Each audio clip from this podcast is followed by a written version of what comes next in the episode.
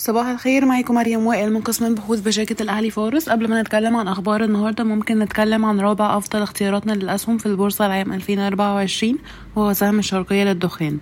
أدت التطورات الأخيرة التي شهدتها شركة الشرقية للدخان قيمة عادلة 38 جنيه و68 قرش مع توصية بزيادة الأوزان إلى دفعها إلى قائمة أفضل اختياراتنا بدعم من استراتيجيات التسعير الجديدة الأكثر مرونة وتوفر المواد الخام.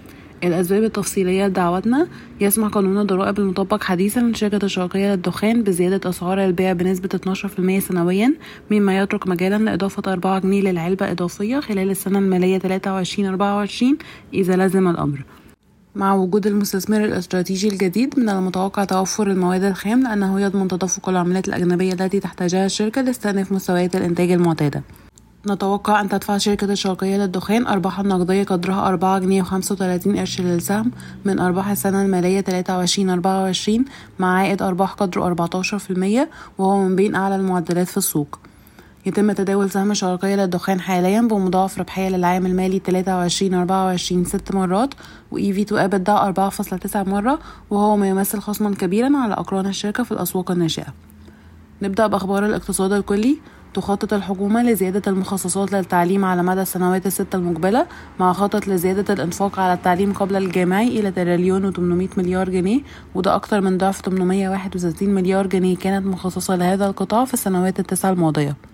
سيظل الإنفاق العام على التعليم الجامعي بالنسبة للناتج المحلي الإجمالي عند مستوى 2% على الأقل خلال فترة الست سنوات القادمة.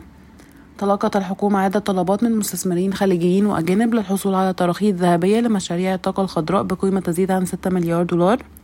ستبدأ شركة شيفرون في إنتاج الغاز من حقل غاز النرجس البحري خلال النصف الأول من عام 2025 يمكن لمصر إصدار سندات بالعملات المحلية للدول الأعضاء في New Development Bank الذي أسسته دول البريكس ليشمل مصر في إبريل 2023 تتوقع شركة سنتامين الحصول على الموافقة النهائية من مجلس النواب على اتفاقية التعدين مع الحكومة المصرية خلال النصف الأول من عام 2024 كشفت مصادر حكومية أن التكلفة المتوقعة لتمديد إعفاء المشروعات الصناعية والدواجن من الضريبة العقارية حتى نهاية عام 2025 تصل إلى 4 مليار جنيه. قال مسؤول حكومي أن مصر استقبلت مليون ومئة ألف سائح من دول الخليج خلال العام الماضي من بينهم 800 ألف سعودي. تدرس الحكومة تمديد مبادرة استيراد سيارات الوافدين لمدة ثلاث شهور أخرى تنتهي في 30 إبريل 2024 ننتقل أخبار القطاعات والشركات. وافقت الجمعية العامة لشركة مصر الجديدة للإسكان والتعمير على بروتوكول مع الشركة القابضة للقطن والغزل والنسيج للاستحواذ على قطعة أرض بقيمة 2 مليار جنيه.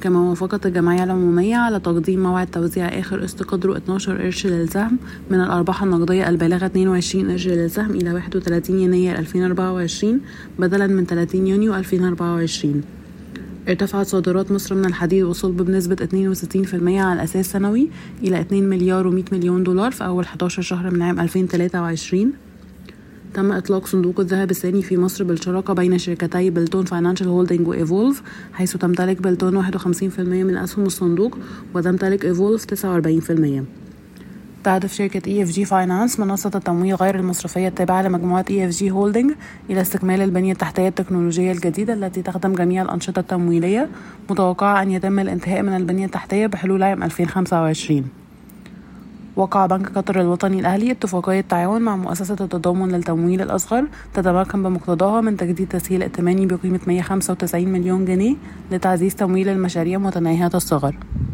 أفكركم سريعا بأسعار السلع العالمية الأسبوع ده مقارنة بالأسبوع اللي فات.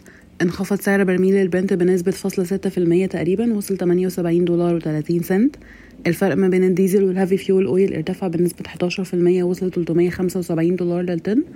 اليوريا ارتفعت بنسبة أربعة فاصلة ستة في المية وصل تلتمية ستة وخمسين دولار للطن. البولي إيثيلين ارتفع بنسبة اتنين في المية وصل ألف وعشرة دولار للطن. ال polypropylene ارتفع بنسبة نص في المية وصل تسعمية وأربعين دولار للطن. الفرق ما بين أسعار الحديد وخام الحديد ارتفع بنسبة أربعة في المية مقارنة بالأسبوع اللي فات وصل تلتمية ستة وسبعين دولار للطن. سعر الألمنيوم انخفض بنسبة سبعة فاصلة أربعة في المية وصل ألفين مية اتنين وسبعين دولار للطن.